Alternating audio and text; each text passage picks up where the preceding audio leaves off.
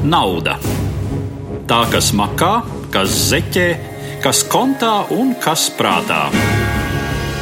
Nauda kā varas, talanta un labklājības mērs, nauda kā līdzeklis un nauda kā mērķis. Nauda laiku lokos. Finanšu vēsture plašākā ekonomiskā, politiskā un kultūras kontekstā sarunās ar Eduāru Liniņu. Katra mēneša pēdējā trešdienā.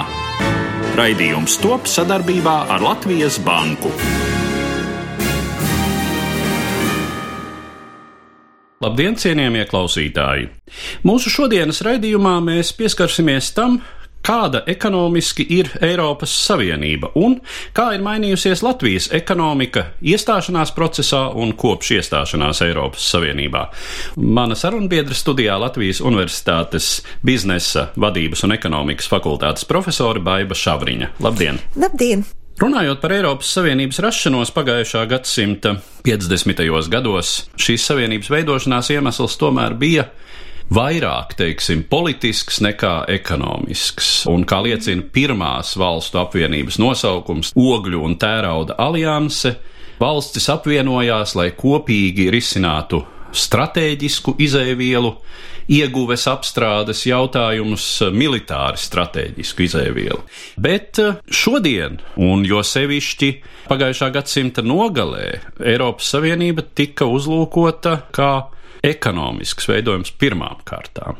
Patiesībā mums ir tiešām jāpaskatās vēsturē, jo tūlīt pēc otrā pasaules kara tiešām var uzskatīt, ka primārais mērķis bija tiešām, lai nebūtu Eiropā jauna iespēja izcelties karam. Un tieši tāpēc bija ārkārtīgi būtiski paturēt kontrolē Vāciju pirmām kārtām. Un nevelti Eiropas kopienas idejas iniciatori ir Francija, kur šo ideju jau ir nesājusi tiešām gadu simtiem ilgi, kopš agrīniem viduslaikiem, sākot ar um, Franka karaļa Kārļa Lielā, jeb Šarla Maņa, ideju apvienot Eiropu zem um, baznīcas karoga. 19. gadsimtā viņiem ir bijušas ļoti spēcīgas idejas par Eiropas Savienoto valstu veidošanu, nu, un tas pirmais komplekts patiesībā arī ļoti labi parāda šo valstu izvēli, jo mēs redzam Franciju kā iniciātoru, Vāciju, kas jāpatur kontrolē, jo divi iepriekšējie pasaules kāri ir radušies tāpēc, ka Vācija mēģināja mainīt savus teritoriālās robežas, un um, piereizes paturēt kontrolē Itāliju. Bet Beneluks valstis šeit ir ienākušas pilnīgi citu iemeslu pēc, tāpēc, ka Beneluks valstis izveido savu savienību jau kopš 20. gadiem. Sākumā tā bija Luksemburga un Beļģija, kas veidoja savu savienību. Un um, kara laikā izdevās visām trim valstīm vienoties, un tā tad tika izveidota jau ekonomiskā savienība. Eiropas kopiena paņēma Beneluksa modeli kā pamatu savas nu, jau ekonomiskās kopienas veidošanai. Pilnīgi pareizi jūs pieminējāt, ka šī pirmā apvienība ir ogļu un tērauda apvienība, kas ir pilntāra strateģiskās nozares. Tieši tāpat mēs varam runāt tūlīt par atomenerģētikas apvienības izveidošanu, kur ietilpa tieši šīs pašas valstis un tika parakstīts atbilstoši līgums, jo atombumba jau bija izgudrota un tā tad bija jāpatur kontrolē citu valstu centieni šajā jomā. Un vienlaicīgi ir vairāki arī ekonomiski mērķi, bet es teiktu arī vienlaicīgi politiski. Tomēr mēs nevaram tā stingri, stingri nošķirt. Par tādu īsti ekonomisku mērķi mēs varam runāt tikai tad, ja mēs vēlamies paplašināt tirgu sagrautajā pēckara Eiropā, lai uzņēmumi varētu turpināt ražot un lai tie varētu nodrošināt gan darba vietas, gan, protams, celt dzīves līmeni, precēm ir nepieciešams noiets, bet sagrautas ekonomikas apstākļos ar vietējo tirgu ir stipri par maz, un tāpēc tas bija, teiksim, tāds tīri ekonomisks iemesls apvienoties. Bet ir vēl divi, kas ir arī ļoti būtiski, jo šī laikā Eiropā ir jūtama ārkārtīgi spēcīga Amerikas Savienoto valstu klātbūtne, un ne tikai klātbūtne, klātbūtne, jo ASV tiešām tiecis arī dominēt. Piešķirot līdzekļus ar maršalu plānu palīdzību, ASV mēģina uzspiest arī savu modeli, savu redzējumu, kā ekonomikai un, un politikai būtu Eiropā jāattīstās. Tāpēc arī šī doma, ka Eiropai būtu jāvienojas, lai pretī stāvētu, nu, teiksim tā, amerikāņu uzbāzīgumam, ir diezgan pamatota. Bet vēl ir Trešais iemesls. Pēc otrā pasaules kara tātad Eiropa mums ir pilnībā sašķelta divās daļās, un otra daļa ir sociālismu sistēma, Ir zināma jau sacensība izveidojusies Eiropā, sociālisma sistēma jau savu ekonomisko organizāciju ir izveidojusi, un tas bija 49. gadā, tā bija savstarpējās ekonomiskās palīdzības padoma. Loģiski, ka tirgus ekonomikas pusē, jeb kapitālisma ekonomikas pusē arī ir jāveido sava organizācija, un tāpēc tie ir vienlaicīgi gan ekonomiski mērķi, gan arī politiski mērķi, bet neapšaubām arī šie militāri strateģiskie, kas bija primārie. Romas līgums, kad tiek parakstīts, tas sevi ietilpina šos trīs līgumus - tērauda un ogļu apvienību, tālāk atomenerģētikas apvienību un ekonomiskā asociācija. Kā zināms, Eiropas Savienība savas attīstības laikā ir paplašinājusies geogrāfiski un, var teikt, arī gājusi dziļumā, attiecinot Eiropas vienojošos standartus, vienojošos principus uz arvien jaunām un jaunām jomām. Šeit arī ir jāskatās tie procesi, Tieši tāpat skatoties kopā notikumus gan politikā, gan um, ekonomikā. Jo visas paplašināšanās ir notikušas abu šo apsvērumu pēc. Sākumā, kad tika izveidota Eiropas kopiena, tālējošais mērķis bija veidot uh, tiešām politisko savienību. Un uz to lēnām arī virzījās, tāpēc arī tapa tāda lieta kā Eiropas parlaments. Savukārt, laikam ejot uz priekšu, Ekonomika strauji mainījās, jaunās tehnoloģijas ienāca, un 70. gados bija skaidrs, ka ir parādījušies arī jauni atkal ekonomiski spēki, kas liek Eiropai stipri pārdomāt savu konkurētspēju pasaules tirgu un konkrēti bija svarīga Japānas ienākšana atkal pasaules apritē. Nu, tas savukārt virzīja Eiropu uz to, ka ir jāveic paplašināšanās, atkal gūstot lielāku potenciālu kopā, un tāpēc 70. gadu sākumā tiek pieņemts lēmums, ka šis tālajošais mērķis par politisko savienību tiks aizstāts ar politisko sadarbību, un tas jau skan pavisam citādi. Mainot šo nostāju, izdevās piesaistīt pirmām kārtām Lielbritāniju, jo Lielbritānija bija ārkārtīgi krasi noskaņota pret šo pārlieko politizāciju situācija, kas bija izskanējusi jau Eiropas kopienas tapšanas sākumā. Kopā ar Lielbritāniju šajos 70. gados izdodas piesaistīt vēl virkni valstu - Īriju, Dāniju, Grieķiju, 80. gadi atnes atkal jaunus pārsteigumus, jo 80. gados strauji, strauji sāk pasaules ekonomikā ienākt arābu valstis ar naftu nopelnīto naudu izmantojot un, protams, parādoties pasaules apritē ar lielām naudas summām un īpaši finanšu tirgos. Un tāpēc 80. gados tiek parakstīts vienotais Eiropas akts, kurš jau nu, norādīs ceļu uz to, ka notiks tālākā paplašināšanās. Nākamā paplašināšanās, kas notika tīri teritoriāli, diezgan būtiski, tas ir 86. 7. gads, kad tiek pievienota Spānija un Portugāla, kuras diezgan bija atstātas novārtā Eiropas apritē, bet tas ļoti būtiski mainīja lauksaimniecībā situāciju, jo tās ir valsts, kuras ražo lauksaimniecisko produkciju. Tālāk jau ir solis uz Māstrikts līgumu, un Māstrikts līguma tapšana, protams, ir saistīta jau ar daudz nopietnākiem procesiem. Eiropā ir sākušās lielās pārmaiņas 90. gadu sākums, tātad sabrūk Berlīnas mūrs, šajā kopējā apritē atkal puse eh, Eiropas nāk klāt, un konkrēti tātad sociālisma sistēmas bijušās valstis gan pašas parādās kā aktīvas eksportētājas, gan importētājas, gan arī kapitāla kapitāla iespējas gan investēt šajās valstīs, gan vēlāk arī tātad saņemt investīcijas no šīm valstīm. 92. gadā, parakstot Māstrītas līgumu, ir paredzēta nākamā paplašināšanās, kas notiek 95. gadā, kad mums tā tad izveidojas 15 valstu jau Eiropas Savienība, jau ar šo nosaukumu, un te ir skaidrs, ka jau nostājas būs pavisam citas, tā ir Eiropas Savienība, kur ir izgājusi visas integrācijas stadijas. No muitas savienības tālāk uz kopējo tirgu un uz ekonomisko savienību. Un jau ar Eiropas Savienības izveidošanos ir skaidrs, ka tiks veidot arī vienota valūta.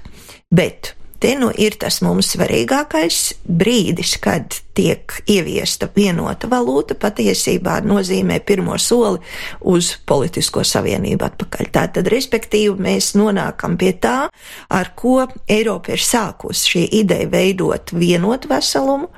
Tā izskanēja oficiāli politiskā līmenī 2001. gada 2. novembrī.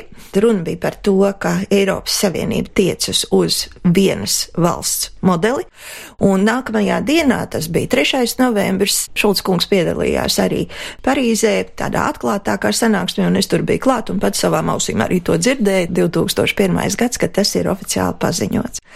Protams, to visu mēs varam arī vērot. Ministru kabinets, nu labi, mēs to saucam par komisāriem vienalga. Tālāk parlaments, tālāk vienota valūta, tālāk mēs runājam par tiesu, mēs runājam par centrālo banku, mēs runājam pat par konstitūciju. 2005. gadā tiek izstrādāta konstitūcija, un konstitūcija ir tikai vienotai valstī. Šīs konstitūcijas pieņemšana gan beidzās diezgan bēdīgi, jo to pārtrauca pusceļā. Mēs Latvijā pat to īsti nepamanījām, jo mēs netikām ne pie apspriešanas, ne pie balsošanas. Mums gan tā bija paredzēta saimas līmenī. Lai nu kā, bet tomēr pāris gadus atpakaļ atkal ļoti skaidri politiskā līmenī izskanēja ideja Eiropas Savienība kā viena valsts.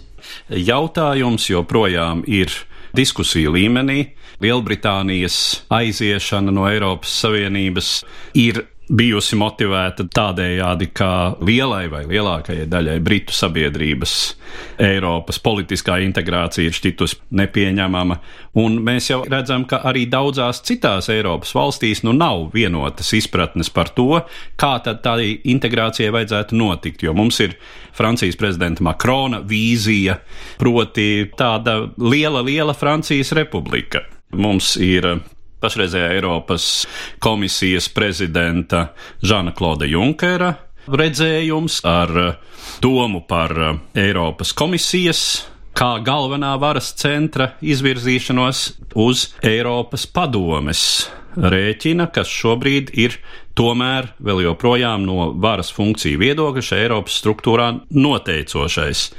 Tātad Eiropas valstu vadītāju kopsapulce. Tātad šobrīd tomēr šī valstu, atsevišķo valstu suverenitāte dominē, un nebūtu nav teikts, ka nākotnē tas tā strauji mainīsies. Cik lielā mērā ekonomika ir tā, kura vedina uz šo Eiropas ciešāko integrāciju? Jā, nu, ekonomiskie procesi izskatās tiešām tie iet it kā savu gaitu, jo, lai nu kā, bet mūsdienu ekonomika tā ir pasaules saimniecība tomēr. Un pasaules procesi tie patiesībā tie ir tie dominējošie, bet uh, Eiropa gluži vienkārši mēģina savākties, mēģina konstituēties, lai kaut kā šajā cīniņā, kas ir tik as un tik strauji par to, kurš paspēs pirmais paraut resursus, kas mums jau sen sāk pietrūkt uz savu pusi, un kurš paspēs dominēt. Ir pat runas par to, kā notiek kolonizācija kosmiskajā telpā. Šajā ziņā Eiropas Savienība ir tas piemērs, kur reģionālā līmenī notiek šo savu spēku apzināšana un tiešām konsolidēšana. Un nevelti citās pasaules malās ir diezgan tagad daudz tomēr piemēru, kur mēģina arī arī sekot tam. Latīņa Amerika un Āfrika un tā tālāk. Pie kam šiem savienību veidošanas centieni ļoti strauji sāk iegūt jaunu elpu un jaunu ievirzi 90. gados, kad tiešām lūk šīs starptautiskās organizācijas, kuras dominē pasaules saimniecībā, ir tās, kas vedina visus vienā virzienā, bet absolūti jau netiek vairs ņemta vērā ne reģionālā specifika, ne kaut kāda vēsturiskā civilizācijas attīstības specifika, kas ir bijusi. Un tieši tāpēc šīs reģionālās apvienības varētu būt kā tāda izēja. Šī iemesla pēc tīri nodalīt Eiropas Savienības centienus ekonomikā mēs nevaram, bet tenīpat laikā mēs varam pasakot līdzi, kā ir veidojusies šo tā saucamo četru brīvību attīstība Eiropas Savienībā, un tur mēs redzēsim, ka, protams, tas ir bijis ļoti pakāpeniski. Vispirmām kārtām tās bija rūpnieciskās preces, kurām ir atļauta brīvkustība, tālāk, stipri vēlāk, tās būs lauksaimniecības preces, un, lai varētu nodrošināt lauksaimniecības preču šo brīvo pārvietošanu, jau bija nepieciešamība pēc vienotas norēķinu vienības. Tā ir tā saucamā EUA, European Unit of Account, kur pastāvēja tikai uz papīra. Tātad, respektīvi, naudas summas, kuras tika savstarpējos norēķinos pārskaitītas no vienas dalību valsts uz otru, tās notika šādās norēķina vienībās. No EUA mums izauga vēlāk EKIS, tātad eh, European Currency Unit, un tā vienotā valūta, kur vajadzēja eh, ieviest, tam bija jābūt ekijām, un bija pat izstrādātas arī skices un nokaltas pirmās monētiņas, un, un man pat ir divu valstu paraugi, kādām tām vajadzēja izskatīties, nu, un tad pēkšņi nāca šī ideja par eiro. Manuprāt, tas nav sevišķi loģiski, jo tā bija diezgan liela naudas šķiešana, kur bija jau ļoti daudz ieguldīts, un tad, lai radītu kaut ko pilnīgi citu, varēja arī šis sekīs vien tālāk attīstīties. Tātad mums jau ir divas preču grupas - ir rūpnieciskās preces, ir lauksaimniecības preces, samērā līdzvērtīgi iet līdzi arī pakalpojumu brīvā kustība, bet savukārt darba spēks un kapitāls tie būtami atpaliek. Un um, runājot par darba spēka brīvo kustību, tad tās vēl īsti arī nav. Mēģinājumi un centieni veidot sociālās attiecības sākas ar 80. gadiem, kad tiek pieņemta Eiropas sociālā harta, kura paredz, ka jānotiek ir zināmai harmonizācijai darba spēka tirgu un uh, cilvēku tiesību jomā, protams, bet uh, mēs jau redzējām to, ka kaut vai pievienojoties mūsu desmit valstīm un vēlāk vēl trim. Darba spēka brīvā kustība vēl joprojām nav īstenota, jo tiklīdz kā mēs pievienojāmies, bija tikai dažas valstis, kuras pilnībā atvēra mums savu tirgu, un tālāk pievienojās citas, bet pilnībā uzskatīt, ka šis tirgus ir brīvs, vēl nevar. Un savukārt kapitāla brīvā kustība, kas nozīmē to, ka vienas dalība valsts kapitāls tiek pielīdzināts nacionālajam kapitālam citā dalība valstī, tā ir tikai kopš 1990. gada. Nauda laiku lokos. Sarunas ar Eduardu Liniņu par finanšu vēsturi plašākā ekonomiskā, politiskā un kultūras kontekstā. Raidījums top sadarbībā ar Latvijas Banku. Protams, ir ļoti, ļoti svarīgi stiprināt Eiropas ekonomiku, konkrēti, lai tā būtu konkurētspējīga pasaules mērogā. Un šeit tas svarīgākais droši vien ir zinātniski ietilpīgo jauno nozaru attīstību, un tās prasa lielu kapitālu, labi izglītotu darba spēku. Ar šādu produkciju konkurēt pasaules tirgu ir gan prestiži, gan arī naudas ziņā ļoti pat atmaksājas, jo tā ir dārga produkcija. Šeit nav runa par masveidu produkciju, jo to daļu pasaules saimniecībā ir aizņēmušas valstis ar daudz zemākām ražošanas izmaksām, un tur vairs Eiropas Savienība, protams, nepretendē. Un tas ir radījis liels grūtības, tā skaitā lauksaimniecības produkcijas noietam, jo šī subsidētā lauksaimniecības produkcija neapšaubāmi ir um, viens no lielākajiem klupšanas akmeņiem Eiropas Savienībā. Un šeit es drusku gribētu parunāt arī par kopējo lauksaimniecības politiku, jo tā ir ļoti interesanta un mūsu gadījumā īpaši priekšstati, tās idejas, kuras mums tika nosūtītas kā ziņa, kāda izskatās Eiropas Savienības kopējā lauksaimniecības politika, šādas kopējās lauksaimniecības politikas sen vairs nav.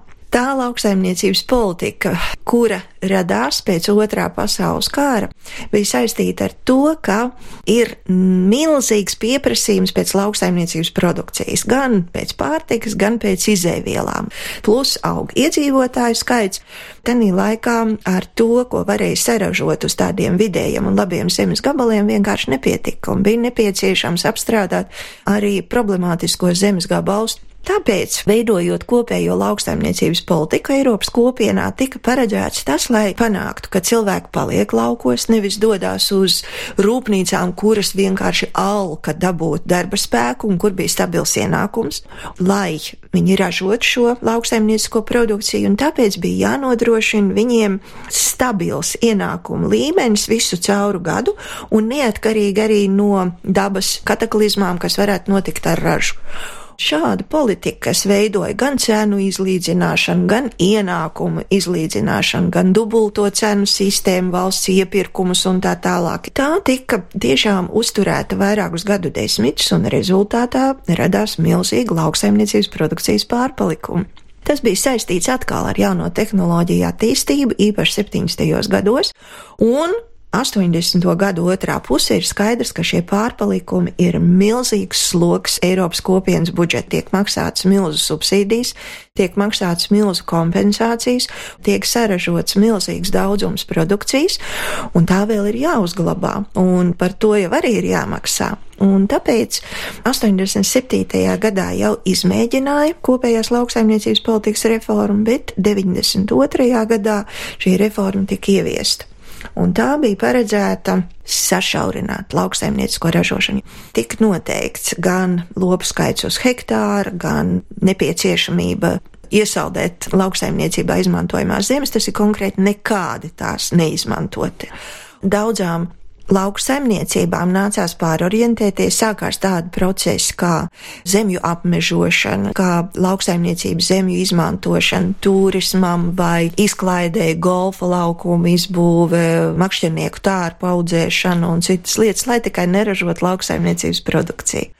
Tad, kad mēs jau stājāmies iekšā Eiropas Savienībā, bija skaidrs, ka pilnīgi noteikti mūsu lauksaimniecības produkcija jau no Eiropas Savienībai nav vajadzīga.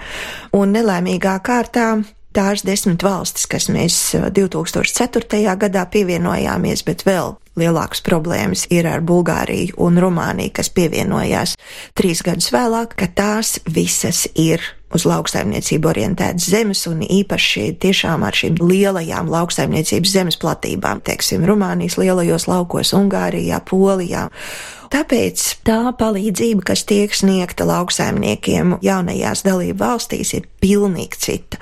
Gan drīz vai trīskārt mazāks ir šīs palīdzības formas, bet akcents tiek likts galvenokārt uz kohēziju, tas ir respektīvi uz dzīves līmeņa izlīdzināšanu, un tie ir līdzekļi, kuri laimīgā kārtā arī ir ienākuši mūsu ekonomikā un, un ļoti daudz ko palīdzējuši. Tad, kad Latvija uzsāka 90. gadu nogalē savus centienus iestāties Eiropas Savienībā, mēs primāri uzsvērām tos politiskos aspektus, kādiem kritērijiem ir jāatbilst iestājoties, demokrātijas standarti, tiesiskums. Cik lielā mērā tie ekonomiskie aspekti arī tika vērtēti, vai valsts ekonomiski ir gatava un atbilst kritērijiem? Es domāju, ka uz tiem skatījās daudz mazāk, jo savukārt bija citas prasības, kas nāca no citas puses, bet arī no ārpuses. Tātad pirmām kārtām šeit ir jāmin starptautiskais valūtas fonds, kurš Kā mēs zinām, visā centrālajā un austrumu Eiropā,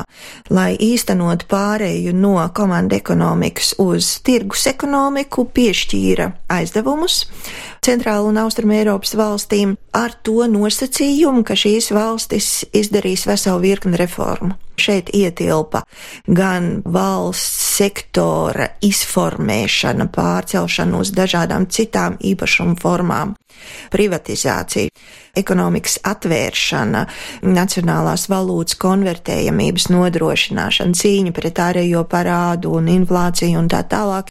Tā bija vesela virkni pasākumu, kuri stabilizēja ekonomiku. Un tāpēc es negribētu teikt, ka te ir liels Eiropas Savienības nopelns, jo tad, kad mēs arī iestājāmies īpaši pirmajos gados, visi rietumnieki nu, man parasti jautāja, nu kā jūs izjūtat to pozitīvo efektu, ko ir devusi iestāja Eiropas Savienībā nu bezmaz nākamajā nedēļā. Bet patiesība bija tāda, ka mūsu rādītāji bija skaisti jau auguši, un tas bija tiešām veidojies jau ļoti ilgus gadus ar ļoti smagām pūlēm un, un jāsaka arī upuriem. Un, uh, tika gatavota tā augsne, un tāpēc tas fakts, ka mēs iestājāmies, tūlītējs rezultātus nedēļ, bet pēc tam gan, kad notiek pielāgošanās, kad notiek arī lielāka šīs izpratnes veidošanās par to, kā funkcionē Eiropas kopējais tirgus, kādas preces tur ir nepieciešams, ko mēs savukārt no šī tirgus varam iegūt, tad tas efekts, protams, ir. Savā ziņā uz mums gaidīja kā uz lētā darba spēka valsti uz mums gaidīja kā uz lēto izmaksu valsti. Un šajā ziņā mēs jau Eiropas Savienību sākam pievilt, un tas nu runā mums par labu. Minimālā mēneša alga, piemēram, 2004. gadā bija 113 eiro, bet pēc desmit gadiem ir 320, tātad praktiski trīskāršojusies, un mēs labi zinām, ka šodien tas cipars ir krietni lielāks, tikai četrus gadus vēlāk. Tālāk tieši tāpat par vidējo algu. Tā 4. gadā bija 300 eiro, un 13. ir 716, un tas ir divkāršošanās jau, un šis vidējās algas lielums ir ļoti svarīgs, jo tie ir galvenie nodokļu maksātāji. Notiek šī tuvināšanās Eiropas Savienības līmenim, varbūt netik strauji, kā kāds bija iedomājies, ka tas notiks varbūt tuvākajos piecos gados pēc iestāšanās. Procesu bremzēja globālā finanšu krīze bet uh, mūsu ekonomika šobrīd ir ļoti atkarīga no tā, kādā stāvoklī ir Eiropas Savienības ekonomika. Ja mūsu galvenie eksporta partneri būs labā ekonomiskā stāvoklī, tad arī mūsu ekonomika būs kārtībā. Bet ir savukārt viens bīstamais moments, un tas ir saistīts ar eiro, jo Tad, kad mēs ieviesām eiro, mēs esam atteikušies no viena ļoti spēcīga instrumenta, kas var regulēt tautsaimniecību, un tas ir, mums vairs nav savas monetārās politikas. Mēs esam palikuši tikai ar vienu lielu ieroci, un tas ir fiskālā politika. Un fiskālā politika nevienmēr visiem ir saprotama, nevienmēr visiem ir akceptējama vai patīkama. Savukārt monetārās politikas mums vairs nav, un tas nozīmē, ka, ja pieņemsim ļoti strauji, tiktu pazemināts eiro kurs, kas principā no teorētiskā viedokļa nozīmē to, ka eksports no Eiropas Savienības strauji palielinās, un tātad kopumā Eiropas Savienības ekonomika no tā iegūst. Bet mūsu gadījumā mēs esam ļoti atkarīgi no importa. Un imports, kas nāk ne no Eiropas Savienības, bet ārpus tās, tas strauji sadārdzinās, un mūs tas skar ļoti spēcīgi, jo šeit ir runa par energoresursiem pirmām kārtām, par naftu un par daudzām izēvielām, ko mēs iepērkam ārpusē. Šeit parādās tas, ka Eiropas Savienība nav homogēna. Ekonomiskā politika, kas tiek veidota, Eiropas Savienībā tā ir galvenokārt lielo valstu veidota un lielo valstu interesēs. Un, protams, ja runa būs par lielajām eksportētāju valstīm un par Eiropas Savienību kopumā, lai tā iegūtu, tad, protams, uz Latvijas interesēm jau nu šeit neviens neskatīsies. Tas ir tāds ļoti pesimistisks scenārijs, bet iespējams. Iespējams, jā, lai gan eh, tomēr nav tā, ka nebūtu mehānismu, ar kuriem Latvija nevarētu iespaidot un sevišķi bloķējoties ar citām līdzīgām mazām valstīm. Mēs jau neesam vienīgie līdzīgā situācijā. Bet eh, palūkojoties uz Latvijas ekonomiku kopumā, kāda ir Latvijas vieta tā ekonomikas kopainā Eiropā nebūsim vairs nekad droši vien ne sviesta, ne bekona impērija, bet kas tad mēs varētu būt Eiropas Savienībā? Šeit savā ziņā to arī varēja ļoti labi redzēt uh, krīzes laikā. Mēs esam viens diezgan būtisks veselums kopā ar Skandināvijas valstīm un īpaši finanšu sektora jomā, jo nu, nevienam nav noslēpums, ka Skandināvu bankas mums šeit ir galvenās un, un dominējošās. Tas savukārt ir izdevīgi pašiem skandināviem, jo, ja Skandināvijas valstis bija diezgan nopietna ekonomika, ko varēja pamanīt 12 valstu Eiropas Savienībā, 15 valstu Eiropas Savienībā, tad 28 valstu Savienībā, ir nepieciešams lielāks spēks Uztverot Skandināvijas valsts un Baltijas valstis kā vienu reģionu Eiropas Savienībā, kaut vai šajā finanšu sektorā, jau tas ir kaut kas nozīmīgs. Arvien vairāk informācijas ir par to, ka mēs esam tāda zaļā turisma zeme, Tad eh, mēs, protams, varam runāt par ļoti specifiskām nozarēm, kuras mēs varbūt ikdienā pat tik labi nepamanām, bet kur ir tiešām ļoti specifiska šīs te tehnoloģija attīstības, kur mums ir sava niša. Un tieši tāpat arī pie informātikas tehnoloģijām mums ir sava vieta, un mēs esam pamanīti ne tikai Eiropas Savienībā, bet arī pasaulē. Nu, vēl tāds bešķītiņās anegdotisks gadījums man bija ārkārtīgi interesanti redzēt filmu kura ir uzņemta 60. gados Francijā, un tās nosaukums ir uh, Mademoiselle d'Avignon.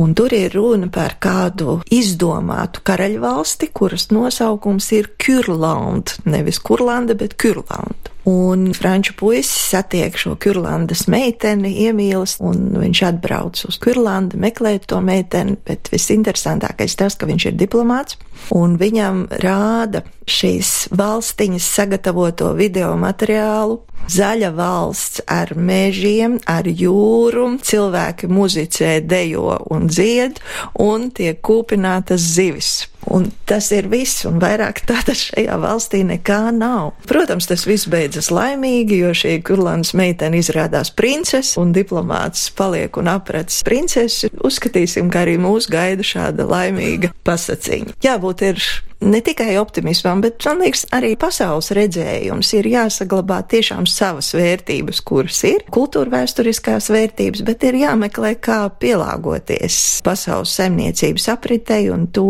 kas mums ir labs, nu, protams, ļoti derētu izcelt. Ar tādu secinājumu tad es arī noslēdzu mūsu šodienas sarunu, kas bija veltīta Eiropas Savienībai kā ekonomiskam lielumam, un saku paldies manai sarunbiedrēji, Latvijas Universitātes biznesa vadības un ekonomikas fakultātes profesorei Baibai Šavriņai. Paldies!